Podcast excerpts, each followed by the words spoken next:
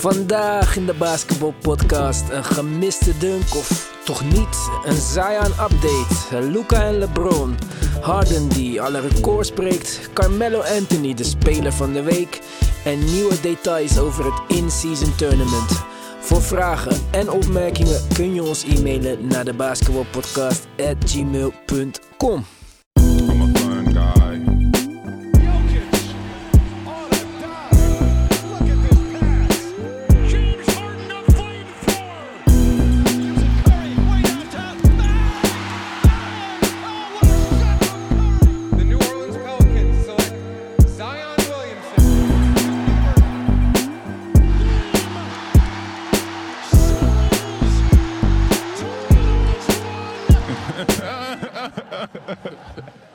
Welkom allemaal bij een nieuwe aflevering van de Basketball Podcast. Het was echt een drukke week. Mark is met mij vandaag. Mark, hoe is het? Ah Ja, alles goed, Ivan. Ja, met mij wel. Ik vroeg het aan jou. Ja, alles goed bij mij. Goed. ja, veel nieuws deze week, veel gebeurd. Eh, Luke Walton, sexual assault case has been dropped. Dus eh, goed nieuws voor hem en voor eh, de Kings. Dus dat hangt niet meer over hun hoofd heen. Dan hadden we LeBron gisteren in een wedstrijd. Die be- commentaar kreeg van de Jazz-commentatoren omdat hij zonder schoenen op het veld liep. Ze vonden dat disrespectful. Maar ja, dan zou ik zeggen ten eerste een beetje meer competitive zijn misschien. Dan moet hij zijn schoenen aanhouden, want dan moet hij nog spelen. En niet alleen dat. LeBron reageerde later op Instagram. Had dus zijn schoenen weggegeven aan twee kinderen. Aan een jongetje en een meisje. Dus eh, dat was niet de handigste Ja. opmerking van die commentatoren. Dan een beetje in slecht licht. NBA heeft aangekondigd dat ze een Afrika League gaan starten volgend jaar. In verschillende landen. Je moet kwalificeren. Elk team moet minstens zoveel spelers van dat betreffende land in hun team hebben. Eerste keer dat NBA iets buiten Amerika doet. Ja, heel goed, hè. Ik vind het ook leuk. Ik ben benieuwd. Ik ben benieuwd of het ook iets wordt, zeg maar, wat op een NBA-level geproduceerd wordt. Dat we dit echt kunnen kijken in de zomer. Het zou wel leuk zijn, ja, toch? het zou helemaal perfect zijn, eerlijk gezegd. We hadden natuurlijk deze week James Harden. In een hele spannende wedstrijd trouwens, want iedereen praat wel alleen over die dunk. Maar de wedstrijd op zich was ook gewoon onwijs leuk. Eh Rockets staan 19 punten voor tegen de Spurs. James Harden gaat alleen naar de basket. Dunkt de bal zo hard dat hij via het netje weer op de ring komt en eruit gaat. Waardoor het lijkt alsof hij de dunk mist. Hij zelf dacht dit ook, want hij zelf ging ook achter de losse bal aan. Eh, spel wordt stopgezet. Scheidsrechters gaan er naar kijken. Eh, scheidsrechters zeggen eerst het is offensive eh, interference. Is goaltending. Mike D'Antoni zegt ik mocht niet challengen. Scheidsrechters zeggen hij was te laat met challengen. Eindstand, James Harden heeft gewoon een dunk. Maar die punten worden niet geteld. Lonnie Walker heeft zijn breakout game of the season. Scoort 19 punten in het vierde kwart. Twee keer overtime en Spurs winnen met eh, Twee punten. twee punten. Ja, Rockets boos. Tim McMahon rapporteert nogmaals. Tim McMahon, Brian Windhorst, Rodel, Rodel eh, Pers. Dat de Houston Rockets zouden gaan eisen dat het spel of wordt overgespeeld, de laatste 7,5 minuut. Of dat ze de winst alsnog toegekend krijgen.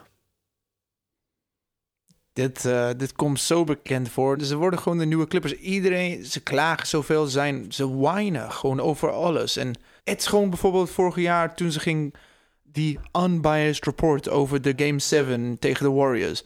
30 fouls, et cetera, et cetera. Dat gewoon Ja. de referees tegen hun zijn. Ja, ik snap het, maar je kan niet... Waren hoeveel punten? 15 punten voor, 17 punten voor? 19. 19, dat kan je niet hebben. Kijk, het is een dunk. Het is slecht dat ze hebben niet geteld. Dat Ja, helemaal mee eens. Tuurlijk. Maar je, je gaat niet zeggen dat dat, door dat heb je 19 punten. Ja, gewoon. Ja, ja, verspeeld. Ik vind het ook. En kijk, dat, dat die dunk niet, eh, dat ze dat niet zien, ja, dat is niet goed. Maar ze misten ook al eerder eh, een terugspeelbal op eigen helft van Russell Westbrook. Ja, kijk, dat hebben ze ook niet gezien. Dat was anders ook balverlies geweest voor Houston. En Nee, ik eh, durf wel vrij zeker te zeggen dat niemand iets gaat herspelen. Of de winst wordt sowieso niet opnieuw toegekend. Nee. En zelfs al ga je het herspelen, dan wat? Stel je voor dat James Harden die wedstrijd geblaseerd is. Ja. Dan wat? Dan, en stel je voor dat Aldridge weer fit is. Mag hij dan meedoen? Ja, precies. Dus ik vond het echt dom. Tuurlijk, je mag wel over klagen en zeggen, ja, hij zat erin. En ik weet niet hoe het met die coaches challenge is gegaan. Dat moest binnen de eerste 30 seconden. Maar omdat ze steeds die call veranderden, kon Mike D'Antoni dat niet doen, zei hij. Mhm. Ja, dat systeem werkt ook al voor geen meter. Nee, helemaal niet. Misschien, ja, het is bijna, bijna zo erg als die ene in voetbal, in soccer. Met de VAR. Ja, Ja, maar had NBA maar een VAR, dat gewoon iemand anders van een andere plek wat zei. Maar dit elke keer dat de wedstrijd gewoon vijf minuten wordt stilgelegd om iets te controleren. Ik vind het fucking irritant. Ja, de, wedstrijd duurt al drie uur soms. de enige sport waar het echt gewoon goed is, is gewoon in rugby. Dat is gewoon binnen een minuut. Alles klaar. De scheids heeft geen keus. Ja, Ja. ik weet niet hoe het werkt, maar doe maar dan op die manier. Want Ja. eh, ik vind dit echt niet leuk. Nee, en ook, eh, ik vind het, het is ook een manier voor de, Rocket, voor de Rockets. Ja, is waar, het is gewoon fout wat is gebeurd. Maar ook Ru- Russell Westbrook was gewoon 19 punten van 30 shots. 19 punten van 30 shots. Ja, het was 7 op 30. Er zijn vier mensen ooit in 44 jaar die dat hebben gedaan. vier mensen. Ja, Ja. ja Hij ik, ik ben sowieso geen fan van Westbrook natuurlijk. En je hebt... Ik was ook aan het luisteren naar eh, de Bill Simmons eh, podcast. Er zijn vier van de meest uh, high-usage seizoenen... zijn door twee van de spelers op de Rockets. Ja, het, het is ongelooflijk hoe slecht ze spelen. Ja, ik vind het ook hoor. Maar goed. Ja, het was wel een hele mooie wedstrijd. Ja. Lonnie Walker was echt super spectaculair en ik heb hem genoemd in de preseason. Nou, Dus dan ben ik altijd blij als zulke dingen dan een beetje uitkomen. Ik vind dat de Rozen echt getraind moet worden. De Spurs hebben zoveel jonge spelers. Dit jaar wordt hem sowieso niet. Treed maar Aldridge, treed maar de Rozen. Laat die Brim Forbes, Lonnie Walker, Murray. Laat ze alsjeblieft spelen, man. Ik vind het echt... eh, het is echt jammer. Mm. Maar goed. Dit is het NBA-nieuws van deze week.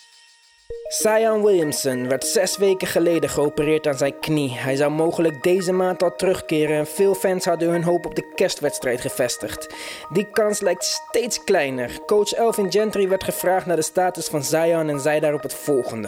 I think he's fine. You know, like I don't think there's anything that can be rushed. I just think it's a time thing, and you know, six weeks, six weeks is what was said. But I mean, obviously, you know, he's making progress, and uh, uh, you know, when the time comes for him to start on court and do things like that, uh, he will. But uh, it's not anything that's that's going to be rushed or any shortcut. It's just a, a matter of the uh, of taking the time to make sure that he's fine.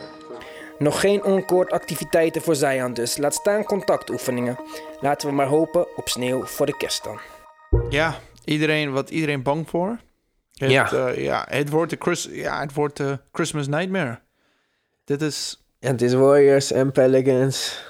Het is niet zo... eh, ik weet niet hoe, waarom ze niet kunnen flexen. In de NFL kun Gaan je, ze kun je wedstrijden flexen. Gaan Ja, ze maar- doen, denk Ja, je? niet met kerst, maar wel met andere wedstrijden. Ze hebben al twee wedstrijden van de Warriors weggehaald van het ESPN-schema.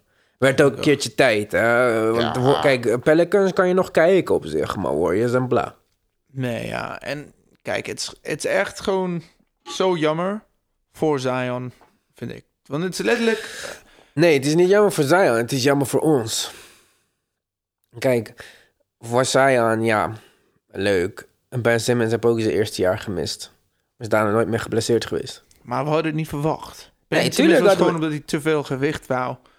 Hij- nee, ja, hij- maar Ben Simmons, kijk, hij was geblesseerd toen hij werd gedraft. Oké, Nee, dat was eh Embiid, hè? Ben Ben Simmons was in de zomer. Gewoon een paar weken in de zomer. Ja, Ja, zeker? ja. Ik geloof jou. Maar eh, in ieder geval heb je het hele eerste jaar niet gespeeld. Hij kon waarschijnlijk ook eerder terugkomen. Oké, Philly was een tank, dat is wat anders. Maar ja, weet je, ik zou sowieso het risico niet nemen met hem. En eh, als hij kan spelen, prima. Als hij in januari terugkomt, kan hij alsnog Rookie of the Year worden. Want John Morant is ook oud nu. Mhm. Ja, wie zijn de Rookies of the Year? Kendrick Nunn en eh, Tyler Hero. Hero. Ja, letterlijk. Denk het ook niet. Dus als hij wat spectaculairs doet. Maar ja, ik weet het niet. Als, het ligt er ook een beetje aan hoeveel de Pelicans staan. Als de Pelicans 500 zijn in januari. Weet je, moeilijk. Maar ja, kijk, eh, het is nu acht... Of met kerst is het acht weken volgens mij. Hij heeft nog geen on-court activiteiten gedaan. Dan ben je nog best wel ver verwijderd van scrimmage en eh, practice en 5-on-5 practice. Dus ja, het klinkt voor mij alsof hij nog ver verwijderd is. En eh, Ik, ik denk rond de All-Star Game. Misschien brengen ze hem net voor de All-Star Game als een je, beetje... ja. maar als je met de All-Star Game al 10 games onder 500 bent. Maar- ja, ik zou, hem, ik zou hem gewoon niet laten spelen. Maar het is wel belangrijk dat hij een beetje van het taste van de NBA krijgt. Gewoon een beetje... Zoals bij Paul George toen hij van die blessure terugkwam. Het is altijd belangrijk dat je gewoon één of twee, of- of misschien tien wedstrijden. Gewoon dat je weet waar je moet een beetje eh verbeterd worden, et cetera. Een beetje van het taste van een hele jaar wachten. maar het is misschien ook beter om hem eh, te leren lopen en eh, de spieren nog meer op te bouwen of de goede spieren. Om hem. eh, Kijk, Ben Simmons heeft ook geprofiteerd van gewoon een jaar meelopen met de Sixers. Hij heeft misschien dan wel niet die wedstrijden gespeeld, maar dat heeft hem wel profijt opgeleverd. Gewoon, hij travelt met het team en zo. Het is niet alsof je niks meekrijgt. En kijk, ja, er hangt zoveel af van Zion. Ik zou echt 0,0 risico nemen. Kijk, Ja. Al waren ze nu zevende, achtste plek en hij kan terugkomen, oké.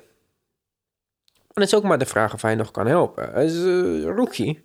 Mm, maar hij zag er heel goed uit in de preseason. Dus Sowieso, tuurlijk. Kijk, ik wil hem morgen zien als het Ja. kan. Dat is niet de vraag. Dat is zeker zo. Maar ja, ik zou echt 0,0 risico nemen. Voor wat? Wat schiet je ermee op als je eh, uit de playoffs bent? Ik snap dat ervaring gedeelte, maar dat kan hij ook opdoen met meelopen, met meetrainen met zijn team. En eh, ja, ja, ik weet niet. Ik, eh, ik hoop dat het goed komt uiteindelijk. Want ik, Sowieso, dat hoop ik ook. Dat maar, als er maar geen, eh hoe heet die, Oden-achtige dingen worden. Dat zou ik echt vervelend vinden. De eerste confrontatie tussen de Lakers en de Mavericks eerder dit seizoen werd een historische avond waar LeBron James en Luka Doncic de oudste en jongste speler in een wedstrijd werden met een 30 punten triple-double. Die wedstrijd werd nog gewonnen door de Lakers die tot zondag bezig waren aan een 10-game winningstreak. Deze keer was het de leerling die de leraar overtrof. Dallas won in LA met 114 tegen 100 punten. Luka kwam dan misschien één rebound tekort voor een triple-double, maar met 27 punten, 10 assists en 9 rebounds was hij niet minder spectaculair. Ook LeBron flirte met een triple-double. Hij noteerde 25 punten, 8 assists en 9 rebounds. Ja, de tweede wedstrijd. En deze keer eh, gewonnen door Luca. En ze moesten eigenlijk de eerste wedstrijd winnen als gewoon... Want ze konden de, de eerste wedstrijd makkelijk winnen. Hey, ik vind het altijd... Dit is een van mijn leukste gewoon eh, ik heb voor de laatste jaar gezien, eerlijk gezegd. Ja, daarom, vond ik, daarom was ik enthousiast om te kijken. Want Lakers boeien me vrij weinig. Ik heb ze al superveel gezien. Maar... ehm, Dus- En de Lakers verliezen. hè. Kijk, eh, ze hadden die eh, mega start en iedereen zei: Wauw, Lakers onderschat, bla bla bla. Maar ze hadden volgens mij maar twee keer gewonnen van een team die boven 500 is. En nu spelen ze dus tegen een ander top 5, top 6 team. Hm. En ze verliezen. En de komende tijd krijgen ze een moeilijker schema. Ze hebben gisteren gewonnen van de Jazz. Maar de Jazz zijn dramatisch bezig. Hmm. Dus ehm, ik ben benieuwd wat er met de Lakers... eh, ik vind Rondo goed. Ik vind LeBron goed. Davis is... Hij, hij is wel een beetje moe, maar hij heeft wel de goede inzet. Ja, maar hoe kan hij Howard nog in dit team weer zoveel klagen, jongen? Ja, hij is, altijd heeft hij pijn, die jongen. Ja, dat zijn gewoon sommige mensen. Dat, ja, iedereen, ja, het is gewoon, ja, meeste mensen, kijk, bijvoorbeeld bij Kobe of Garnett, hoorde je het niet vaak. Nee. Maar ze hadden altijd pijn. Ja, maar dat bedoel ik. En Dave is altijd terug naar de kleedkamer. Wat je zei, Dwight Howard gisteren drie punten. Ja, dat moet, ah, ik moest Ik vind het gewoon- leuk, man. hij doet echt zijn best. Ik had dat echt nooit verwacht... dat hij zichzelf nog opnieuw zou kunnen uitvinden of motiveren. Ja, het is echt, maar het is echt heel goed. En kijk, zoals we vorige week afgesproken in de West Conference Ja. podcast. De Lakers, ze moeten drie van de vier wedstrijden winnen. Want dit maand is echt gewoon heel heftig voor hen. Uh, daar hebben we het over vorige week. Ze moeten gewoon 500 van deze maand. En ze zijn al op een goede start, toch? Ze Ja. zijn al goed begonnen. En ik denk, ja, het kerst is ook net LeBron gaat een beetje meer achteruit. Van, ik weet niet hoe hij dit volhoudt. Ja, ik ook niet. Dus ik denk... Ja, ze, ze spelen goed, hè? Ik ben Ze niet spelen zo... goed, maar kijk, ze hebben wel nog steeds gewoon verloren van de Clippers. Ja. En kijk, ja, wat ik zei, ze verliezen dan van Dallas. Nuggets winnen ze. Jazz wonnen ze. Maar Jazz spelen echt slecht. Ik vind die kunnen we op dit moment niet meerekenen. Mm.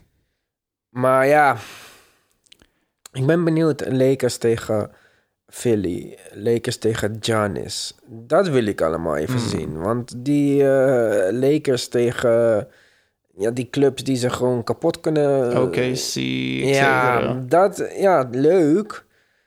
Maar en Lakers tegen een goede coach wil ik ook een keer zien. Ik wil kijken of iemand iets kan bedenken om dit eh, te stoppen, zeg maar. Mm. Maar goed, we gaan dat allemaal zien. Next. James Harden had afgelopen zaterdag tegen de Atlanta Hawks maar drie kwarten nodig om 60 punten te scoren. Hij schoot 16 van zijn 24 schoten raak, waarvan 8 uit 14 driepunters. Hij voegde daar nog 8 assists aan toe voor een plus-minus van plus 50 in 31 minuten. Het was de eerste keer in de geschiedenis van de NBA dat een speler maar 24 schotpogingen nodig had om de 60 punten grens te bereiken. De Beard werd de vierde speler aller tijden met vier of meer 60 punten wedstrijden. Michael Jordan heeft er net als Harden vier, Kobe Bryant deed het zes keer en Will Chamberlain staat op eenzame hoogte bovenaan dit lijstje. Hij scoorde 32 keer 60 punten of meer. Ja, first of all, absurd dat Will Chamberlain 32 keer 60 punten heeft gescoord. ja. Ik wist dat niet. Ik wist 100 punten. Maar 32 keer 60 punten of meer. Maar hij heeft wel 50 punten gemiddeld voor het hele seizoen. Dus hij Ja, heeft oké. sowieso... Ja, dat wist ik nog zelfs. Shit, ja, dat ik dan... Ja, Kijk, maar... maar nog steeds absurd, toch? Ja, het, het is... Dit is de eerste speler dat we hebben gezien best lange tijd... dat eigenlijk 80 punten zou kunnen bereiken. Het is, hij zit gewoon zo bijvoorbeeld op die Kobe-run... waar Kobe ook in drie kwart... tegen een van de beste teams in de league, die Dallas Mavericks toen... 60 punten in drie, in drie kwart had. Mello ook in drie kwart 65 punten. Precies. En kijk, iedereen had kritiek op de... Ja, waarom laat je hem niet spelen? Waarom laat je hem niet zijn record verbeteren, toch? En Mike D'Antoni. Mike D'Antoni was ook degene die Mello aan de kant hield... eh, om die zijn record kon breken. Maar, volgens mij trouwens, voordat ik het fout zeg. Maar, eh, je ziet het, die wedstrijd daarna, dubbel overtime. Het is maar beter dat hij aan de kant is gebleven en niet voor zijn record is gegaan. Want eh, ja, dat is toch een soort van karma. Je ziet het toch dan dat het goed uitpakt, eh, die Ja. keuze. Precies. Kijk, ik... eh, je moet Vind je alle het- kansen nemen dat je kan om de rust te pakken. Ja, vind ik ook. Die records voor mij boeien sowieso niet zoveel. Nee. Het is natuurlijk wel super knap dat je dat doet. En ja, kijk, vier spelers alle tijden hebben dit Mm. gedaan. En dat waren niet de minste in dat rijtje. Nee. Maar kijk, hij staat nu gelijk met Michael Jordan van 60 punten wedstrijden. Alleen Harden is volgens mij 30 en hij heeft nog geen finale gespeeld. Eén, één finale, maar ja, één Ja, finale. hè? Met OKC. Ja, Ja, oké, maar dan was hij. Ik bedoel, ja, oké, ik bedoel finale als de main guy. ja oké. ja. Dus misschien moet hij wat meer gaan focussen op dat dan op. eh, Maar ze winnen meer als hij, als hij de main speler is. Dat is het probleem. Dus de ja, eerste- omdat de tweede speler Russell Westbrook is. Maar ja, dus wat moet hij doen? Moet hij gewoon, ja... Ze moeten een team bouwen om hem heen. Ja, dat, ja, dat is wel... Dat is makkelijk om te zeggen. Dat kun je ook tegen OKC zeggen. Toen ze met alle... Ja, maar toen- waarom kan Milwaukee dat wel dan? Kijk, hun hebben Capella, Tucker, Gordon, Westbrook. En Giannis speelt met eh Brook Lopez, die vorig jaar voor minimum kwam. Milton geblesseerd, maakt niks uit. Zo, ja, allemaal dingen. Is Mike D'Antoni een goede coach? Ja. Is hij, eh, is hij een ongelooflijk goede coach? Nee. Ja, oké, je moet een goede coach Ja. zijn, anders kom je niet in de NBA. Maar kijk, want we zien, we hebben dit nu vaker gezien. Hè? Het is heel leuk, 7 seconds offense en iedereen rennen. En ja, Wat je, wat je ook moet denken is dat het is niet alsof Mike D'Antoni niet close to de finales ooit gekomen, hè? One- zeker close. 30 miste drie punters. Ja, dat is bijna om- dan toen Joe Johnson geblesseerd raakte. Ze hebben wel de, ze hebben wel de Spurs, ehm, toen hij met de Suns was, verslaan. Een van de beste Spurs teams. Toen Tim Duncan, ja, hoeveel mensen kunnen dat zeggen? In een Game 7 hebben ze Tim Duncan verslaan door een pop. Ze zijn, hij is, hij is wel een hele goede coach. Maar ja, is- hij heeft nooit de beste team in de league gehad. Dus het is. Wel ja. vaak de beste speler, want hij heeft wel een paar MVP's gecoacht. Ja, maar en dat is ook niet alleen door hem. Dat, weet, dat moet ik van... Steve Nash is echt gewoon ongeluk- een ongelooflijke goede speler. En hij heeft zijn lichaam veranderd die jaar. Toen hij bij Suns kwam. Maar het is ook... Ja, je kan... Het, je speelde wel gewoon- toen met Stoudemire en zo, en Marion. Ja, Dat is toch een goed hij de perfecte team voor eh, Steve Nash. Ja, maar dan, je zegt van, hij heeft nooit het beste team gehad. Ik vind dat best wel een goed team. Ja, best wel een goede team. Maar je had nog steeds die Dallas team van die jaar. Nowitzki, et cetera. Dan je ook eh Shaq. Ze zijn Ja. altijd wel hele goede. Hij is niet, hij heeft nooit het team dat gewoon tweetallen boven iedereen was. Ja, oké, op die manier. Ja, Wat denk jij? Is hij een goede coach? Ja, ik weet het niet. Kijk, Wie- ja. kijk, bijvoorbeeld, stel je voor dat James Harden bij Pop was. Dan had hij dit niet mogen doen. Want Popovic laat spelers niet hunzelf zijn. Dit is waardoor sommige spelers gefrustreerd worden. Of... Dus dan was er nooit uit James Harden gekomen wat hij nu doet. Wat James Harden doet, ik vind het irritant. Hoe hij zoekt naar een fout en zo. Maar ja, kijk, eh, niemand heeft gezegd, eh, je moet mooi spelen. Dus hij doet wat hij moet doen om te winnen. En als hij de regels op zo'n manier kan hacken dat het voor hem goed uitkomt, ja, dan is hij gewoon slimmer, toch? Dan de tegenstander. Ik vind het niet echt leuk om te kijken. Uiteindelijk winnen ze niet echt. Ik vind dat Russell Westbrook's rol in dit team. Ja, ik eh, zou het overwegen misschien zelfs om Westbrook naar de bank te doen. Laat hem dan maar six man zijn, dat hij gewoon full steam eh, elke keer op en neer kan rennen. Want dit, het heeft gewoon geen nut. Je kan Russell Westbrook op dit moment open laten staan. Hij neemt contested threes, hij neemt open threes, hij mist ze allemaal. Verdedigen kan hij niet. Dan zou ik zeggen, nou, laat hem dan de bal pushen in de second unit tegen mindere tegenstanders. Maar ja, op dit, moment, op dit moment, het heeft toch gewoon geen zin wat ze doen. Kijk, Harden kan echt, Harden scoort gemiddeld 39 punten. Dat is bijna 10 meer dan Giannis. Dat is de tweede. En ik kan je nu al verzekeren dat ze onmogelijk een titel gaan winnen. Want er is no way dat Houston, daar wil ik echt 100.000 euro op inzetten, dat Houston van de Clippers kan winnen. Ik, ja, kijk, je hebt twee Nooit, dingen- nul, Nee, nee, nee, nee, ik heb 0,000. twee- Ik heb twee comments daarop. Ik, heb, ik ben een, in de ene, op de ene kant wel helemaal... Heb je groot gelijk, want dat is ook hetzelfde ding met Michael Jordan. Toen hij voor het eh, Phil Jackson eh, bij de Bulls kwam. Hij, kon, hij, deed, hij kon makkelijk 40 punten per wedstrijd scoren. Maar hij was niet echt met zijn team. Ja, het werkte niet. Mhm. Maar het, ja, het tweede ding is... Met de manier hoe ze nu spelen, werkt het niet. Maar we zagen toen ze tegen de Clippers speelden... dat ze hadden wel de perfecte manier om te winnen. Maar dat op het laatste moment was Westbrook een beetje dom. Want ze hadden, het gewoon, ze hadden gewoon double team Harden, dan pass naar Westbrook, Westbrook drive. Westbrook was en paas. open ook. En hij, deed, en hij deed het supergoed, maar in de fourth quarter, toen het echt gewoon... Dan maakte hij gewoon eh, verkeerde beslissing. Hij dacht, ik neem de drie punten. Maar als hij ging drive, pasen, spelen makkelijk. Ja, Dus maar dit ze was... kunnen het wel doen. Hè? Ze kunnen het wel doen, want de Clippers kon niks daar, daartegen. Dat zag je ook. Dat zeg je nu. Ik heb twee aantekeningen op Ja. dat. Ten eerste, Doc Rivers van de week gezegd... 21 wedstrijden in het seizoen... en we hebben nog geen training gehad met onze twee beste spelers. Dus de Clippers zijn niet in trainingcamp geweest... met Westbrook en Harden vanaf het begin. Die gaan nu pas de chemistry vinden en het team bouwen. Dat is één. Eh, twee is, de Clippers hebben een bank. Houston niet. Drie is, dat is nu gebeurd en in één wedstrijd konden ze geen antwoord vinden en geen aanpassing maken. Maar in een seven-game serie, waar je elke wedstrijd weer opnieuw kan reageren, Ik, uh, nee. 0,100.000 euro. Iedereen die met mij wil wedden is welkom. Ik ga zeggen, in de conference finale sowieso niet, maar tweede ronde of eerste ronde? Niet tegen de Clippers. Nee. Gaan ze niet redden. En misschien niet eens tegen Lakers als het zo doorgaat. Ja. Want wie, gaat er, wie in godsnaam gaat LeBron verdedigen? PJ Tucker? Trevor Ariza is coming back.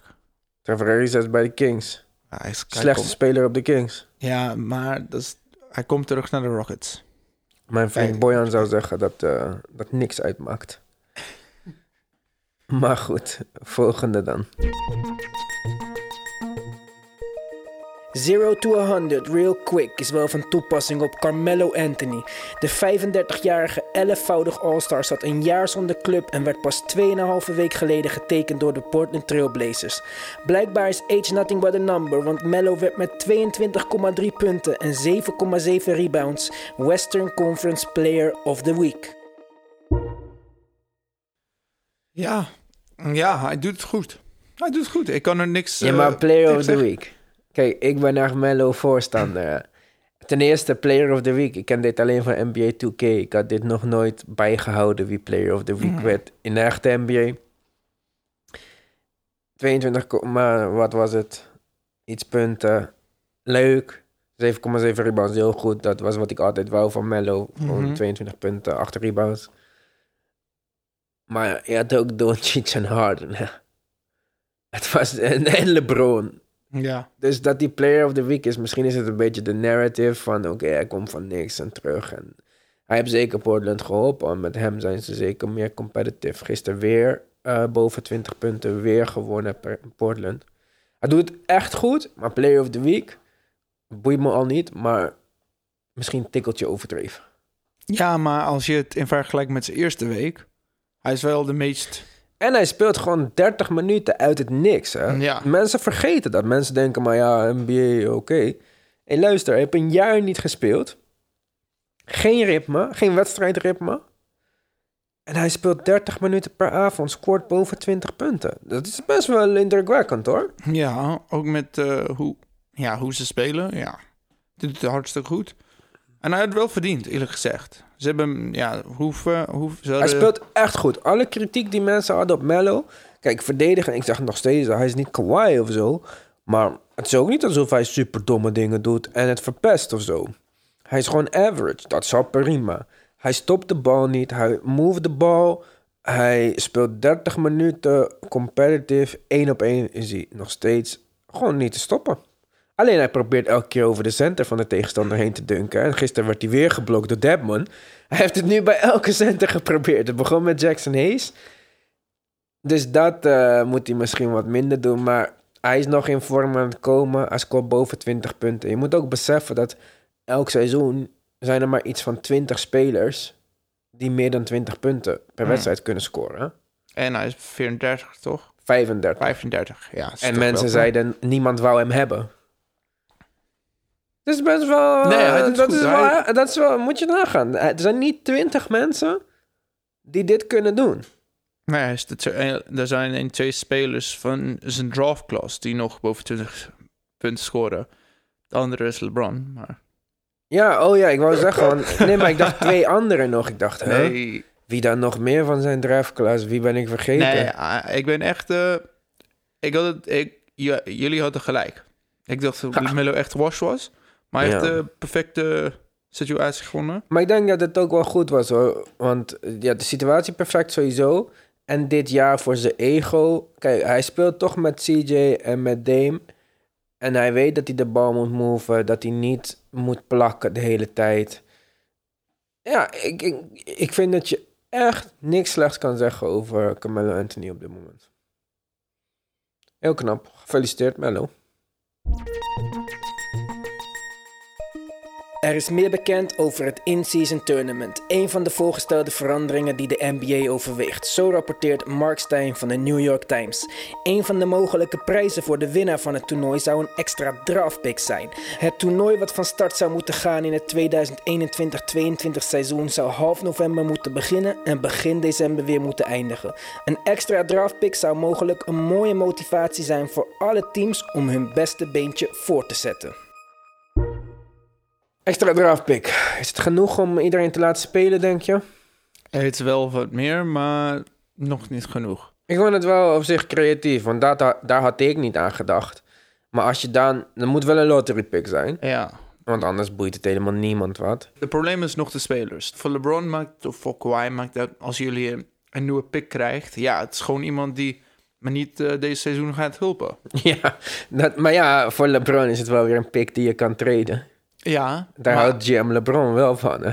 Ja, GM LeBron. Maar ik had eh, wel een hele goede oplossing gevonden. Die van Bill Simmons zeker. Ja, dat vond ik toch wat. Dat was toch ik wel... wist dat je dit ging zeggen. Wil je het even uitleggen of zal ik het even uitleggen? Leg jij maar uit, want het is heel ingewikkeld. Hij had eh, een idee van twee in-season toernoois. Ja, de Russell Cup en de Chamberlain Ja, Cup. Russell is voor de top zes teams in elke conference. Of nee, de top zeven teams in elke conference. Ja, En dan eh, de in New York, Ja, in New York. De Chamberlain Cup is in eh, Las Vegas. ja, voor de teams die niet zo goed presteren. Want Bill Russell heeft negen titels meer dan Will Ja. Chamberlain gewonnen.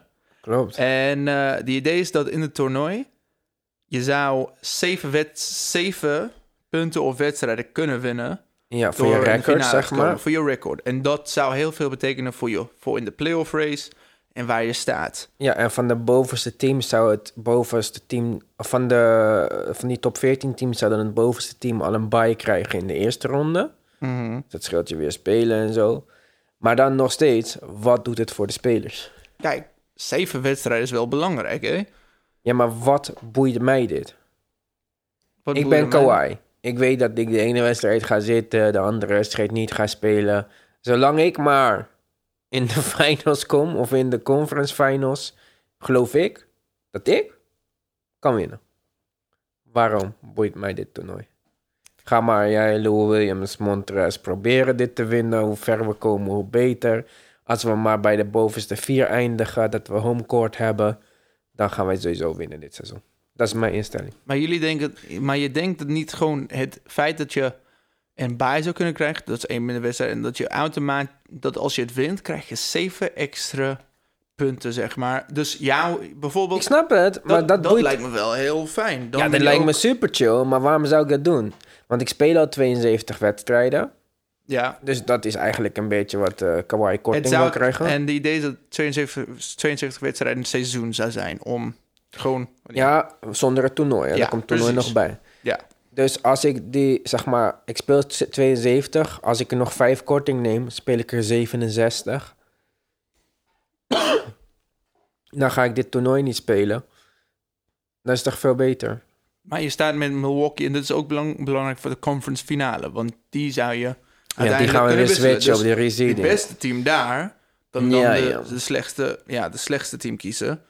Dat is wel belangrijk. Dus, Ik en- vond, het idee, ik vond het sowieso het beste wat ik tot nu toe heb gehoord, ja, dat idee. En het is niet onmogelijk in dit geval, toch? Het is, Ja. En dan geeft ook de teams die beneden... En dan de top 6 teams zijn alleen... eh top 5 teams zijn alleen gegarandeerd een playoff spot. ja, de top 5. En dat vond ik ook heel... Ja, dat vind ik ook beter, maar dat gaat denk ik sowieso niet Nee. gebeuren.